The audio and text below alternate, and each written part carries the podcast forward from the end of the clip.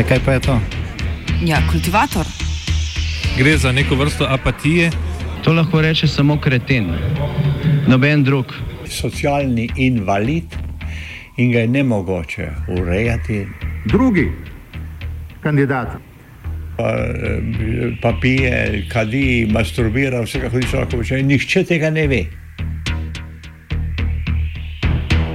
Vsak petek skultiviramo dogodek tedna. Lahko po kriterijih radio študent, težko pa po evropskih kriterijih. Ampak na drug način, kot vi tu mislite. Kultivator vedno užge. Da pač nekdo sploh omenja probleme, ki so, in da pravzaprav sploh nekdo sproži dogajanje uh, v družbi. To drži, drži. Monte dei debito. Tretja največja italijanska banka Monte dei Paschi di Siena bo prejela državna sredstva iz 20 milijard evrov vrednega sklada, namenjenega pomoči bankam. Sredstva bodo namenjena izboljševanju solventnosti banke, ki se je na julijskem stresnem testu Evropske centralne banke odrezala najslabše od vseh evropskih bank. Zaradi poraznih rezultatov je Evropska centralna banka zahtevala, da Monte dei Paschi di Siena do leta 2018 zmanjša obseg svojih slabih posojil za 30 odstotkov. Evropska centralna banka je tudi zahtevala, da do konca decembra zberejo 5 milijard evrov sredstev za dokapitalizacijo. Banka je zato do konca decembra poskušala prodati za 9,2 milijarde evrov slabih posojil. Spodbujala je zamenjavo obveznic za delnice in se trudila pridobiti teh 5 milijard od privatnih investitorjev. To sredo je razglasila, da ni uspela pridobiti teh sredstev nujnih za nadaljno solventnost.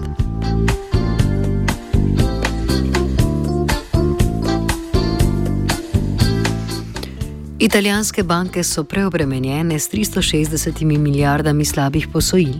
Kar 21 odstotkov vseh italijanskih bančnih posojil so slaba posojila. Italija namreč ni ustanovila slabe banke. Lorenzo Cadonio, direktor italijanske zakladnice med letoma 2006 in 2015 in profesor na London School of Economics, pojasni, zakaj Italija ni ustanovila slabe banke. Clearly Italy uh, didn't suffer from a severe banking crisis uh, uh, during the first leg of the global crisis. Then, uh, as you know, in 2011, Italian government bond spreads went under pressure. Uh, so, uh, during the course of 2012, the government could have asked for some support and set up a bad bank. But at that time, the stock of non-performing loans was rising sharply, but not it was not very high, not yet uh, very high. So the, the government decided to, you know, to wait and see. Uh, the official line was that uh, the financial sector can deal with the situation then, uh, itself uh, without uh, government intervention. And there was some, you know, I would say time lost at that time. at some point, the Commission came in with a communication in the middle of 2013 uh, to um, introduce again state aid regulation, and they allowed the one year of transition for the remaining outstanding positions. And at that time, Italy missed the opportunity to introduce the bad bank uh, to, to deal with the non performing loan situation.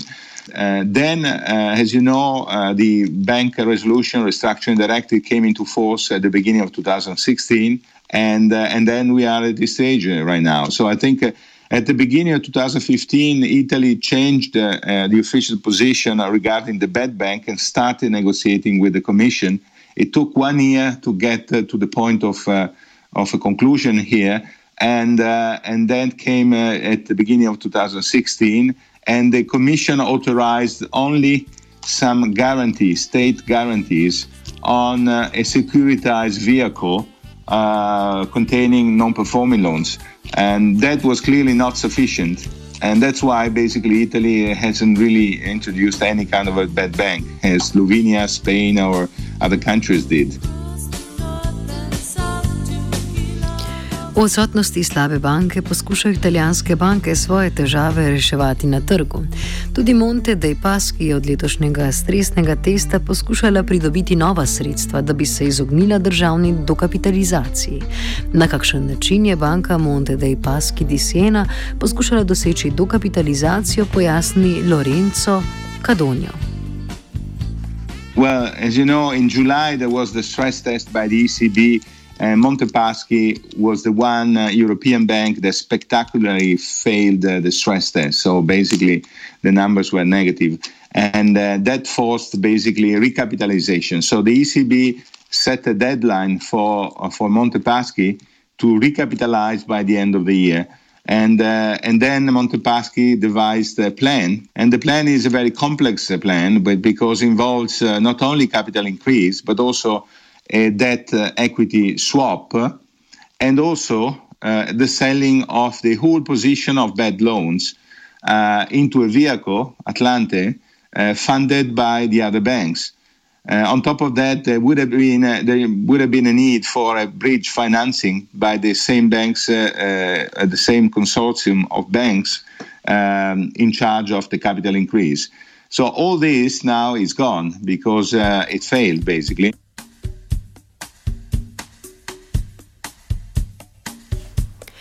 Tudi zadnji poskus dokapitalizacije je ta teden spodletel potem, ko je postalo jasno, da katarski državni sklad ne bo investiral v banko. Ker Evropska centralna banka ni odobrila podaljšanja roka za dokapitalizacijo, je Monte de Paschi di Siena zaprosila državo za pomoč. Parlament je takoj po sredini oznanitvi o neuspehu zbiranja zasebnih sredstev odobril 20 milijardni sklad namenjen podpori bančnega sektorja. Danes je italijanska vlada razglasila, da bo z denarjem iz tega sklada izvedla državno dokapitalizacijo Monte dei Paschi. Lorenzo Codonio pojasni, katere ukrepe bo banka sprejela poleg vladne finančne injekcije. My guess is that this will be done over the next few days. Uh, this would inevitably imply a capital injection by the government, and it would inevitably imply uh, uh, equity investors to be completely wiped out. And probably there will be a debt equity swap, this time uh, on a compulsory basis rather than voluntary basis, which would be similar to the one proposed uh, in this operation. Um, uh, and then I think uh, they will stop here because I don't think uh, senior bondholders will be touched uh, or depositors. Um, so this is the idea. Uh, probably in terms of government money, there won't be much. Uh, there won't be a big need Uh, for the capital increase because uh, again, uh, all that will be translated into equity. But there will probably be a need for some form of financing of the vehicle uh, that will attract non performing loans. But we will see because the plan is not yet out, of course.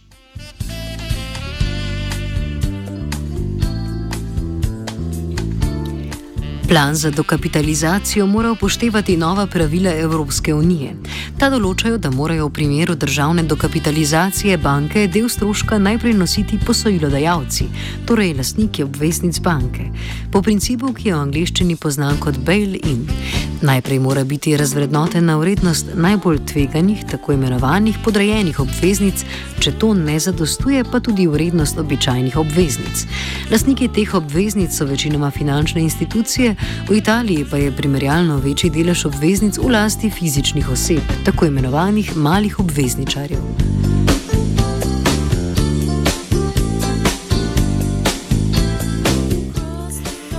Kdo so lastniki obveznic, koliko je zasebnikov in zakaj je veliko teh lastnikov fizičnih oseb, pojasni Lorenzo Cadonio. Well, uh, you know, uh, in, in Italy there was a situation which was quite anomalous, I would say. um, in the past, uh, whereby banks uh, um, could sell their own bonds to their own retail investors, retail clients, and uh, and they used to do it because of tax reasons. Effectively, taxation on uh, deposits was 27%. Taxation on bonds were, was 12.5%. So there was an incentive for the banks uh, to sell uh, their bonds instead of long-term deposits. And uh, so that resulted in retail investors uh, investing heavily into government bonds, in, into sorry, into bank bonds. Um, and in the case of Monte Paschi, for instance, it is estimated that about 40,000 uh, retail investors uh, are invested in the uh, uh in the bank uh, bonds. This includes, of course, wealthy individuals, but also pensioners and uh, very small investors. So it's a mixed. Um, I think the, if you take the whole position. Uh, um, uh, outstanding debt position of Monte Paschi, I think more than half is in the hands of retail investors, the other half is in the hands of international funds, basically. Analiza podatkov italijanske nacionalne banke sicer kaže, da ima le 5,4 odstotka italijanskih gospodinstv obveznice in da imajo te družine dvakrat večje bogatstvo kot povprečni italijan. Tomas Faci, italijanski novinar in režiser, objasni, kaj se je zgodilo v vladnem reševanju štirih manjših bank leta 2015, kjer je veliko manjših vrčevalcev utrpelo hude izgube. Yes, well, basically, what happened in um, what happened was that yes, shortly before the new uh, uh, banking union came into uh, came into force in, uh, in, in in early 2016, so at the end of 20, uh, 2015, um, the government bailed you know bailed in uh, these four small banks, fairly small. Um, and of course, that had very serious political consequences because um, of course it wasn't just um, uh, it was uh, a lot of these uh, a lot of the bondholders um, that were bailed in. What bail, you know if what, what a bail in is is that basically uh, instead of the government bailing out the banks so using public money to um, to um, to uh, relieve a bank of a uh, of a crisis. Um, it's the it's the bondholders, and in some cases, uh, even the depositors, uh, people that have deposits above hundred thousand euros, that have to take a hit. Um, uh, before uh, before the government can intervene with public money, this is what the EU banking union. this is what the EU banking union law uh, which came into force in 2016, as I said, uh, foresees as the uh, uh primary mode of resolution of uh, banking crises. Italijanska vlada noče ponoviti političnega debakla iz lanskega leta, zato skuša male obvezničarje zaščititi pred izgubo vrednosti obveznic in išče določila v evropskih pravilih, ki bi to omogočila. Evropska pravila dopuščajo nekatere izjeme v primeru, da gre za enkratno preventivno državno dokapitalizacijo sistemsko pomembne banke, ki ne presega zneska, ki je nujno potreben za zagotovitev kapitalske ustreznosti banke, kakršno zahtevajo stresni testi. V tem primeru je dopustno, da stroške dokapitalizacije nosijo le lastniki podrejenih obveznic, ne pa tudi lastniki običajnih obveznic. Sklicevanje na to pravilo bi Italija lahko omejila izgube malih obvezničarjev le na tiste, ki so lastniki podrejenih obveznic. Glede na to, da dokapitalizacija banke Monte dei Paschi ustreza vsem zgoraj opisanim kriterijem, gre pričakovati, da bodo izgubo nosili le lastniki podrejenih obveznic.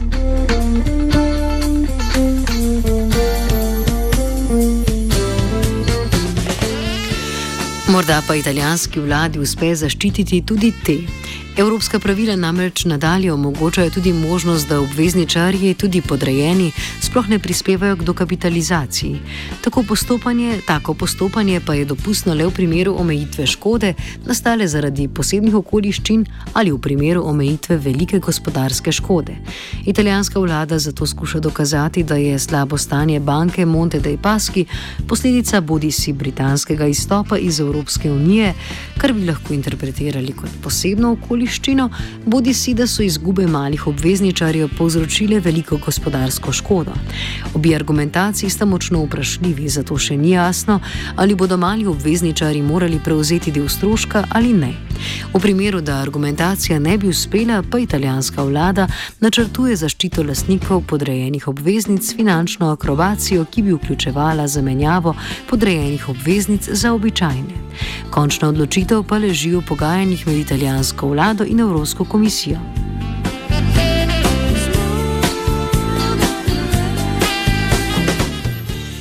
Monte dei Paschi ni edina italijanska banka s slabimi posojili, ki bi želela državno pomoč iz 20 milijardnega sklada.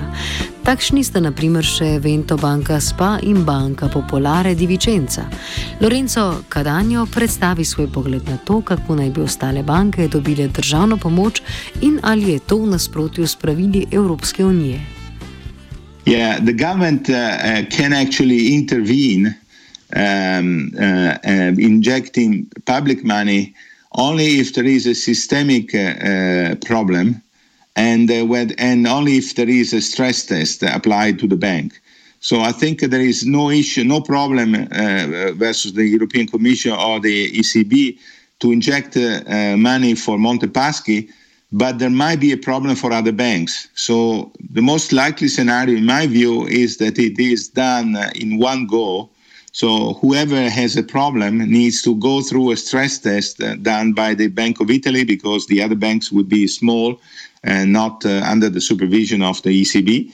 And uh, and uh, and they might actually get the capital injection at the same time of Montepaschi. Otherwise, it would be difficult to argue that there is a systemic risk. The trick here is to do all at once um, uh, uh, introduce capital not only for Montepaschi but also for the smaller banks that have a need for that right now, as soon as possible.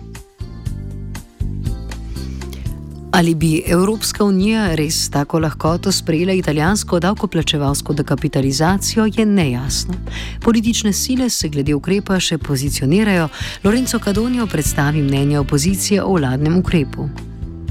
Yeah, clearly uh, the opposition is arguing against uh, government intervention. Some some of the opposition are actually arguing the other way around because they would like to protect all investors, all retail investors. So clearly, the opposition is using these arguments as a political uh, tool to, to criticize the government, uh, but uh, the opposition is not really united in asking one direction because there are different views and different positions. Some uh, some parties in in the opposition are saying, well, you know, you use public money to support the banks. Uh, but others are saying, well, you should support uh, completely the bank in the sense that it's not the banks, it's the investors and the depositors that you need to safeguard. So I think it's uh, the the debate is very fragmented and uh, and it's not really uh, one way. Uh, so, in, to some extent, I don't think that the government will pay a high political price because, again, even the oppositions are quite divided in uh, what they, they are asking for. Opozicija je torej še neenotna, zaenkrat pa še ni znano niti, kako bo glede do kapitalizacije v javnosti nastopila vlada in kako se bodo opredelili voljivci. Njihov odziv predvidi Tom, Tomas Faci. I think we'll uh, we'll have to take some time to see that. Um, you know, if uh, you know, if if in a couple of weeks, you know, we, we see you know the value of the shares, you know, uh, keep keep falling even further, and uh, you know, then.